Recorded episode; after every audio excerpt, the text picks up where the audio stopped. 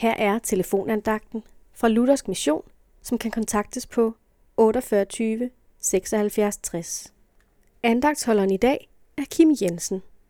Vi skal i dag være sammen om nogle vers fra Johannes evangeliet kapitel 14, vers 23 til 24a, hvor der står sådan: Den, der elsker mig, vil holde fast ved mit ord, og min far vil elske ham, og vi skal komme til ham og tage bolig hos ham. De ord her, de er sagt af Jesus til hans disciple, men de gælder i lige så høj grad for dig og mig, som, eller for dig som lytter, og for mig, som lever i dag. Det er jo et fantastisk løft, vi får her af Jesus. Tænk, hvis vi tror på Jesus, hvis vi ønsker at høre ham til, så vil Jesus og hans far, altså Gud i himlen, tage bolig i dig og mig. Gud i himlen, alle ting skaber, den almægtige, som har alle ting i sin hånd, ham som bestemmer over liv og død, han vil tage bolig i dig, som elsker ham.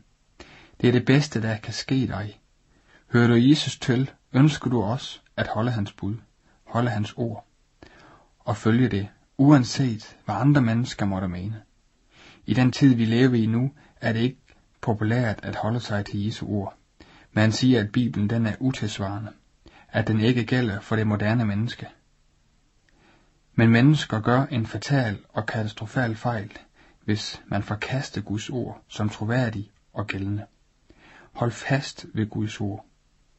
Ikke fordi jeg siger det, men fordi Guds ord er troværdig tale, det har du sort på hvidt i Bibelen.